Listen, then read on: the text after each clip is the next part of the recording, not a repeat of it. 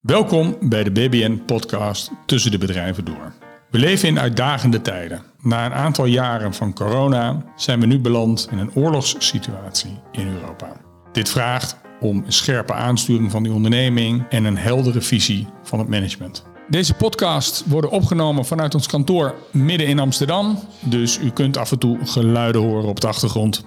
Ik ben Piet Wessels. En mijn naam is Jan van der Malen. Wij zijn van BBN en we gaan het vandaag hebben over de overnamemarkt en de impact van alle gebeurtenissen die er op dit moment in de wereld zijn, Piet. Ja, zeker. En dat, en dat is nogal wat. Ja, het zijn uh, onzekere tijden en het zijn ook zeker uitdagende tijden. En de eerste vraag eigenlijk is, uh, verwachten we eigenlijk dat dit een impact heeft op dit moment op de overnamemarkt? Ja, dat is de grote vraag. Want welke, uh, welke gebeurtenissen zien we op dit moment? We hebben corona gehad, maar wat we zo langzamerhand ook zien ontstaan is een, is een serieuze krapte op de arbeidsmarkt. Problemen in de supply chains. Problemen in de supply chain. We zien inflatie. Klimaatdoelstellingen die niet gehaald worden. Hoge energieprijzen en dan hebben we ook nog eens de oorlog en ook Oekraïne. En dan het een hangt natuurlijk nou samen met het ander. Maar er gebeurt nogal wat. Uh, er gebeurt zeker wat. En uh, nou, we noemen het dan ook niet uh, moeilijke tijden, maar uitdagende tijden. Ja. Um, kijk, wat we natuurlijk wel zagen in het begin van de coronacrisis... is dat er toen ook een verwachting was... dat het allemaal wel zou tegenvallen, de overnamemarkt. Dat iedereen voorzichtig zou doen. Nou, en tegelijk... sterker nog, in dit kwartaal 2 van 2020 was ook een serieus, uh, stond iedereen even op de rem. Ja, maar wat we ook zagen is dat het niet heel lang duurde, want vanaf kwartaal 3 uh, begon het weer op te lopen. Op volle toeren. Ja. Uh, zeker op volle toeren. Dus wat we eigenlijk ook wel kunnen zien is dat deze uitdagende tijden ook wel zorgen voor nieuwe kansen. Absoluut, absoluut. En ik denk dat, kijk, er is een aantal factoren die, die bepaalt of de, of de overnamemarkt, hoe, hoe actief men is op de over, overnamemarkt heeft natuurlijk te maken met uh, een belangrijk deel is de rente. Uh, de betaalbaarheid voor een overname en de financierbaarheid van een overname is wel uh, punt één. Ja. en het beschikbaar hebben van liquiditeit. En dat is gelukkig nog steeds iets wat er nog steeds is. Hè. Er is voldoende liquiditeit in de markt. Nou, we zien, we zien enorm veel, veel kapitaal. Hè. Kapitaal ja. wat rendement zoekt. We zien ook fonds na fonds die succesvol uh, nieuwe funding doet van hun portefeuille. Ja, we zien ook uh, bedrijven die door alle nieuwe uitdagingen uh, wellicht toch eerder denken aan stoppen en denken van het is nu wel genoeg geweest. Ik ben niet toe aan nog een turnaround in mijn bedrijf, dus laat het maar over aan de volgende. Klopt. Dus er komen ook weer bedrijven op de markt. Ja, klopt, klopt. Nee, dus, dus op dit moment is die overnamemarkt nog volop op stoom, zeg maar. Ja. Maar Blijft dat zo? Dat, dat is een klein beetje de vraag. Uh, dat is zeker de vraag. En dat ze ook wel een beetje liggen aan uh, ontwikkelingen van, uh, van de rentes. Ja. Um, verder ja, ja. onzekerheid. Wat doet het met bedrijven? Wat doet het met de businessmodellen? Um, en hoe kijken financiers ernaar en overnamepartijen? Nou, ik denk met name wat je noemt die bedrijfsmodellen. Hè. Wat, wat, wat, voor invloed hebben de, de, de huidige uh, gebeurtenissen in de wereld op, op jouw bedrijfsmodel? Ja. En ergo, als je praat over bedrijfsmodellen en je praat over uh, overnames, dan praat je eigenlijk over ja, wat doet zo'n bedrijfsmodel met jouw kaststroom, met je, met je cashflow? Nou ja, kijk, uiteindelijk is een waardering natuurlijk vooral bepaald door toekomstige kaststromen. En de uh, voorspelbaarheid van die kaststroom. Hè. We hebben het uh, eerder gehad over inderdaad uh, de teller en de noemer. Ja. aan de ene kant gaat het over de kaststroom. Aan de andere kant gaat het over van nou, hoe zeker acht je die. Um, en hoe vertaal je dat dan naar de waarde van vandaag? En hoe zekerder die stroom en hoe hoger de kaststroom, hoe hoger de waardering. Waar we nu vooral mee te maken hebben is een gezonde portie onzekerheid. Ja, en, en, en waar vertaalt zich dat in, Piet? Ik denk dat het uh, zich uh, op een paar manieren vertaalt. Ik denk dat ten eerste is dat je natuurlijk kijkt naar toekomstige kaststromen. En in het verleden keek je vooral eigenlijk naar een aantal scenario's. Hè. Meestal keek je naar, uh, naar de management case, hè, het gemiddelde. De best case en de worst case. Ik denk dat, dat je nu zal zien dat er veel meer scenario's worden uitgewerkt. En waar veel meer wordt gekeken naar van oké, welke impact heeft een eventuele schaarste van grondstoffen op op überhaupt de omzet. Hè? Kunnen we die omzet ja. wel realiseren? Hebben we voldoende grondstoffen voor die omzet? Uh, maar wat doet het ook met de bruto marge? Hè? Wat wordt de prijs? Kan de, kan de overnamepartij dat doorbreken naar een klant... zodat het verdienmodel overeind blijft? Uh, je zei net, hè, de krapt op de arbeidsmarkt. Uh, kunnen ze voldoende mensen vinden als ja. ze groeiambities hebben... om die groei ook te realiseren? Nou, dat, maar dat, dat, dat, dat gebrek aan handjes, zeg maar... dat is ook wel een van de drivers... juist van de overnamemarkt. Hè, dat je ook ziet, vooral in, in, veel technische bedrijven, dat die ook echt op zoek zijn naar partijen die Uh, gisteren waren we nog op bezoek bij een partij die zegt: ja, ik, ik, als ik een overname doe, ben ik eigenlijk niet op zoek naar nieuwe opdrachten. Nee. He, dus ik hoef er geen nieuwe klanten bij, maar ik wil er vooral nieuwe mensen bij die, uh, die, die, die mijn bestaande opdrachten uh, kunnen uitvoeren. zeker, zeker. Want als, als er schaarste is, dan ben je eigenlijk op zoek. In, kijk, je kijkt natuurlijk bij een overname is interessant om een aantal redenen. Dat kan zijn, nou, ik koop een bedrijf met een verdienmodel dus ja, ik koop een cash cow en nou ja, ik betaal voor die toekomstige kaststromen. Maar wat je nu natuurlijk ziet is dat partijen vooral zoeken naar een plekje in de markt, uh, op de arbeidsmarkt, een plekje in uh, een toegang tot bepaalde leveranciers. Hè. Dus dat je zegt, ik doe een overname en dan haal ik een stukje supply chain naar me toe waar ik op dit moment nog geen toegang toe heb. En via een overname krijg ik die toegang. Uh, het kan ook zitten natuurlijk in de afzet. Hè. Dat, dat werd vroeger vaak gekocht, hè. Je, je markt kopen. En nu zijn er meer opdrachten dan, dan dat de capaciteit is. Dus, dus zal dat vraagstuk misschien wat minder worden. Ja, ja. Nee, dus je ziet, uh, wat dat betreft zie je nog steeds een van die drivers in de, in de overnamemarkt. Vraag is natuurlijk de risico's. Hè? Hoe ga je dat waarderen? Ja. Doe je dat in de kaststroom? En dan moet je ook wel opletten dat je niet in beide doet. Ja, dat je, het in de disconteringsvoet zet en in de kaststroom en vervolgens reken je dubbel naar beneden. Of als je verkoper bent, dubbel naar boven. Ja, Nee, dus daar moet, daar, daar moet je mee uitkijken. Dus het is, maar het is ook goed om dat heel helder te maken richting uh, de andere partij. als je over die waardering praat en stel je hebt daar discussie over, dat je ook kunt aangeven hoe je dat verwerkt hebt in je modellen. Ja, ik denk dat het uh, uh, heel belangrijk is als verkopende partij dat je goed verwoordt uh, welke uitgangspunten je hebt genomen voor de waardering. Hè, voor, of eigenlijk voor, voor de berekening van de kaststroom, want daar hebben we het dan feitelijk over. Welke uitgangspunten je hebt genomen. Maar dat je ook goed hebt nagedacht over nou ja, welke externe uh, invloeden zijn er en, en hoe groot is die impact. Of dat je heel goed kan uitleggen hoe je die impact kan uh, verminderen of mitigeren. Ja, ja. ja. En uh, als je dan praat over de risico's in de waardering. ja, wat je natuurlijk ook ziet is dat als een bedrijf gekocht wordt in onzekere tijden, ja, hoe ga je die onzekerheid, bij wie leggen die onzekerheid neer? Ja. Neem je als koper al die onzekerheid uh, voor, je, voor, voor je rekening? Of zeg je van ja, in deze tijd ja, zullen we misschien wat meer onzekerheid uh, bij de verkoper neerleggen? Hoe zie jij dat? Nou, ik denk ten eerste is dat natuurlijk altijd een uitkomst van de onderhandelingen. Want ja. uh, beide partijen hebben daar zelf een heel duidelijk beeld over bij wie die risico's horen. Um, kijk, uiteindelijk, als je denk ik als verkoper niet goed kan uitleggen, dan zou je het natuurlijk snel terug gaan zien in de prijs. Hè, want ja. dan wordt de prijs gedrukt. Kan je goed verhaal vertellen, maar zijn er wel onzekerheden, zou je het natuurlijk nog in de vorm van garanties kunnen doen. Um, ja, je zou kunnen denken aan een, uh, uh, ook uit een, aan een variabele deel, uh, een earn-out regeling.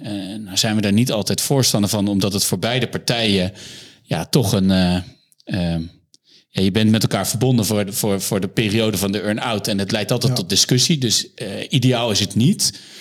Um, ja, als het noodzakelijk is.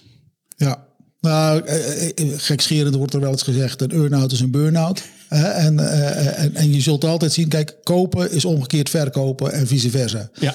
Dus als jij koopt, dan zullen je de risico's uh, zoveel mogelijk bij, bij de andere partij neer willen leggen. En als je over een earn-out praat, dan wil je eigenlijk zo hoog mogelijk uh, of als koper wil je eigenlijk zo laag mogelijk in de, in de verlies- en winstrekening een afspraak maken. Dus het liefst op, op winstniveau. Terwijl je als verkoper zegt, ja, maar als ik mijn bedrijf verkocht heb... Ja, daar heb ik helemaal geen invloed op. geen invloed meer op. Dus uh, als er een earn-out dan moet komen... Ja, de dan, omzet, dan, misschien de brute marge, maar dan, dan wordt het al tricky. Alles wat eronder zit. Op, ja. dus, dus, dus, dus, zo zie je die... En dan, komt het er inderdaad op, neer, uh, op aan van... ja, hoe stevig sta jij in je onderhandelingspositie... Ja. En heb, ben jij in staat geweest als, als, als, als verkopende partij of degene die jou daarbij adviseert om voldoende concurrentie op, op, op te lijnen in dat verkoopproces. Ja, nou ja, kijk, en, en, en dan zijn er nog wellicht nog twee andere punten waar je naar kan kijken. Kijk, als het echt gaat over risico's, uh, dan kan je het eventueel nog verwerken in garanties. Hè? Dus ja. dan heb je wel die hogere koopprijs, maar dan zou je later eventueel met een garantie toch Garanties richting, en vrijwaringen. Hè? heb je een aantal vrijwaringen. Uh, en de andere uh, optie is wellicht een, uh, een vendorloon. Hè? Dan hebben we het weer over de betaalbaarheid van de overname. Ja. Ja. En dat, dan, dan is er weer wat meer geld beschikbaar. En dan zou je misschien de verkoper kunnen, bereid kunnen krijgen tot een iets hogere prijs. Waarbij je zelf als koper ook nog wel het financieringsrisico op je neemt. Ja, en dat, en dat, zie, dat zie je eigenlijk vrij veel in het MKB. Hè, dat er een stuk vendorloon verstrekt wordt. Nou, daar kun, je, daar kun je met elkaar over praten. Tot welk niveau is het acceptabel? Uh, ja, ja, je ziet natuurlijk ook dat de traditionele banken ook ge, ge, gehouden zijn allerlei uh, uh, ratio's dus ook niet eh, eh, zo'n volledige overname kunnen financieren. Ja. Eh, dus, dus er moet ook gekeken worden naar of eigen geld of naar eh, garantievermogen, maar in ieder geval eh, niet vreemd vermogen. Ja, daar zou zo'n venderloon prima in thuis eh, passen. Ja, ja. Nou, maar kijk, je- kijk je naar de verschillende ontwikkelingen en, en welke invloed het heeft op de overnamemarkt, dan, ja, dan denk ik dat we erover eens zijn dat eh, eh, eh, ondernemers, we- wees creatief. Ja, Hè? En, en misschien is dit ook wel een, een, een, een, een, periode waarin je zegt, nou weet je, innovatie. Hè, ik, de, de- Nou, dat, dat is een hele goeie. Kijk, ehm, je kijkt natuurlijk naar toekomstige kaststromen. Dus je kijkt, eh, stel dat je een, een fabriek zou kopen, dan kijk je ook van nou, ehm, ik ga een fabriek kopen, daar zit een bepaalde kaststroom in, maar wat moet ik nog investeren om die fabriek up-to-date te houden? Ja. Hè, dat is een heel pragmatisch voorbeeld, maar dat kan je nu natuurlijk ook vertalen naar eh, verduurzaming van de bedrijven. Hè. We zien eh, de prijzen van energie gaan omhoog.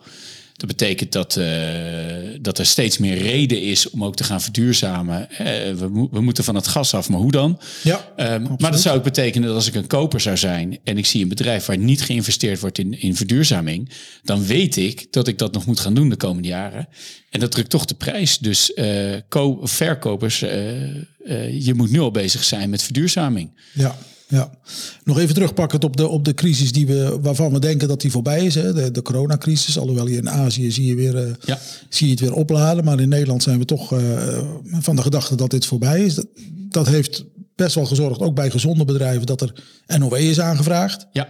Ehm, hoe, hoe, hoe, hoe kijk je daarna als het gaat om de verrekening voor, eh, voor de prijs? Ik denk, ik denk dat dat eigenlijk misschien wel eentje is die goed past in, in de garanties. Hè? Want er kan een prima calculatie gemaakt worden van eh, waar een bedrijf. eh, het is heel duidelijk wat een bedrijf gekregen heeft aan steun. Het, ze kunnen ook wel berekenen wat ze denken waar werkelijk recht op te hebben. En wat er dan nog terugbetaald moet worden. Nou ja, als er nog financiële middelen zijn, dan, eh, dan valt het wel tegen elkaar weg. Als er geen financiële middelen zijn, ja, dan, dan is dat een schuld. Ja, En dan moet die verrekend worden in de, in de, in de, in de waarde van het bedrijf. ja, ja, ja. Maar ik denk dat het zeker thuis hoort in de garanties, want het is een reëel risico. Hè. Je weet nooit eh, hoe een, eh, een, een, een UWV gaat oordelen bij het vaststellen, bij de definitieve vaststelling. Maar hetzelfde geldt bijvoorbeeld, hè, je zegt net over de NOE en eventueel het TVO, hè, over alle eh, tegemoetkomingen die er, die er geweest zijn. Eh, maar denk bijvoorbeeld ook eens aan de belastingsschulden die er op dit moment, eh, die de BV Nederland eh, draagt. Ja, Is heeft ook- heeft, ja daar, hebben, daar hebben ook partijen die het misschien niet nodig hadden eh, gebruik van gemaakt. Ja, ja. Nou ja, en dan, dan is natuurlijk nu is er een, eh, een generieke eh, oplossing eh, om het in vijf jaar terug te betalen tegen gunstige rentetarieven. Tegelijkertijd staat er in de kleine lettertjes ook dat de, dat de Belastingdienst wel het recht heeft om het eerder terug te claimen als ze verwacht dat er misbruik van gemaakt is van die regeling. Ja, ik denk dat je daar als, als, als koper kritisch op moet zijn wat die schulden zijn en hoe dat in elkaar zit Ja. en, en, hoe het, en hoe ze ontstaan zijn. Ja. ja. Nee, dus, dus- hè, we- wees als, als je aan de, aan de koperskant zit, eh, wees kritisch wat er nog van steunmaatregelen of wat dan ook eventueel in het bedrijf zit wat je koopt. Ja, en wat terugbetaald zou Ja, moeten worden. we- Wees kritisch als je, als je kijkt naar achterstallig onderhoud. En dat achterstallig onderhoud heeft niet alleen te maken met machinepark, maar misschien ook wel met mensen. Hè. Wordt er genoeg ge- ge- geïnvesteerd in mensen, in de ontwikkeling van de mensen? Zeker gezien de krapte op de arbeidsmarkt. Zeker gezien de krapte op de arbeidsmarkt. Maar dat zal ook zijn invloed hebben op de due diligence. Ja, ehm, er zal van, eh, van, van partijen veel meer informatie gevraagd worden. Hè, we hebben het net gehad over eh, eventuele schulden die nog in het bedrijf zitten... naar aanleiding van de, van eh, de coronaperiode die achter ons is. Of hè, hopelijk achter ons ligt. Ehm, en tegelijkertijd natuurlijk de eh, enorm onzekere tijden waarin we leven... en welke impact dat dan heeft op die toekomstige kaststroom. Ja. En dat gaat heel ver. Ehm, supply chain, eh, hoe zit het in elkaar? Wie zijn de leveranciers? Waar zitten ze?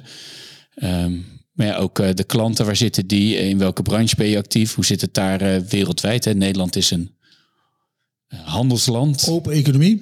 een, een zeer open economie. Ja. Ja, waar, waar, waar, waar, ja, waar, waar zou jij bijvoorbeeld naar kijken nu in een due diligence?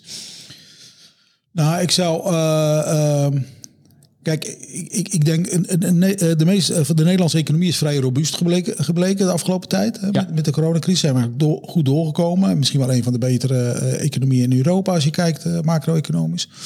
Begonnen natuurlijk ook sterk. Ja, en als je nu kijkt naar de werkgelegenheid, is misschien wel die, ehm, ja, die, die lage werkeloosheid zou misschien wel een bedreiging kunnen zijn voor de groei. Dus misschien als je kijkt naar het, het, het traditionele due diligence richt op uh, fiscaliteiten, uh, juridische overnamecontracten, goed, goed kijken naar hoe ziet je personeelsbestand in elkaar. Maar ik denk dat met name dat laatste zal misschien nog wel veel meer onder de loep genomen worden. En ook de, het gevaar dat personeel gaat lopen op het moment dat er een overname heeft plaatsgevonden. Ja. Ja, dus, ik, dus ik denk dat je in de, in, de, in ook, ook hè, dus dat eh, zou ik veel aandacht aan besteden de due diligence, maar vooral op het moment dat die overname heeft plaatsgevonden of gaat plaatsvinden. Van ja, hoe ga je met de integratie om? En voorheen werd er gekeken van nou, we kijken naar integratie, kijken we naar software systemen. Hè, gaan we van het ene boekhoudpakket over naar het andere boekhoudpakket. Of gaan we hmm. van het ene planning software naar de andere planning software. Maar ik denk dat het steeds noodzakelijker wordt om een heel goed integratieplan te maken. Uh, hoe jij het personeel meeneemt naar de nieuwe onderneming. Ja. want als de onder, als, als, als, met name de technische uh, bedrijven, als je bijvoorbeeld praat over de installatietechniek, ja. Uh, medewerkers hebben de keuze om werknemers kunnen kiezen waar ze, waar ze willen werken. Dus als ze denken van nou, dit staat me niet aan, en uh, dus ik denk dat je daar heel veel aandacht aan moet besteden om, uh, om, om de mensen op een juiste manier, uh, op zijn als gezegd, te onboorden. En, en, en, en dat ze zich ook vertrouwd gaan voelen in de nieuwe organisatie. Kijk, het binnenhouden van mensen is, is nu wel pre. Dus inderdaad gaat het om het binnenhouden. Het gaat om kijken van, goh, hoe ziet het personeelsbestand er ook qua leeftijd uit? Wat, wat voor, wordt voor de komende jaren verwacht? Zeker weten dat het heel moeilijk is om aan de onderkant nieuw personeel te vinden. Ja, dus, dus als je dan kijkt, dus dan, dan, dan zou je misschien ook wel in je due diligence meenemen van hoe ziet, hoe ziet het managementteam eruit van de uh, partij die je overneemt. Ja. En, en, en, en, is daar nu of in, de, in het verleden voldoende aandacht geweest voor HR? Of, of, of moet dat toch een beetje opgefrist worden? Hoe, hoe aantrekkelijk is de over te nemen partij als werkgever? Ja, ja, ja. En, en, en, en, en dan krijg je, hè, waardoor gaan overnames mis? Dat heeft vooral ook te maken met uh, cultuur. cultuur. Ja. Hè, Dus, dus, dus gaan mensen zich thuis voelen bij die nieuwe partij?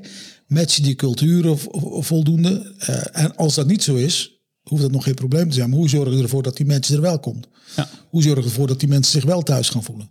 Ja, en ik denk dat, uh, hè, want dat is een terecht punt, dat je zegt van nou vooral dat uh, die in de due diligence kijken naar het personeelsbestand. Ik denk dat een tweede wat enorm belangrijk is, is de supply chain. Ja. Uh, enerzijds uh, hoe robuust zijn die contracten met leveranciers. Hoe zeker is het ook dat die aanlevering gezekerd is. Ehm, maar ook bijvoorbeeld de prijzingen. Je ziet dat prijzen, neem bijvoorbeeld staalprijzen, die kunnen nu op dagbasis enorm fluctueren. Um, en dan is het ook de vraag van in hoeverre heeft dat bedrijf dat gemitigeerd? hoe zitten de contracten aan de inkoopzijde eruit, maar belangrijker nog gezien de contracten aan de verkoopzijde er.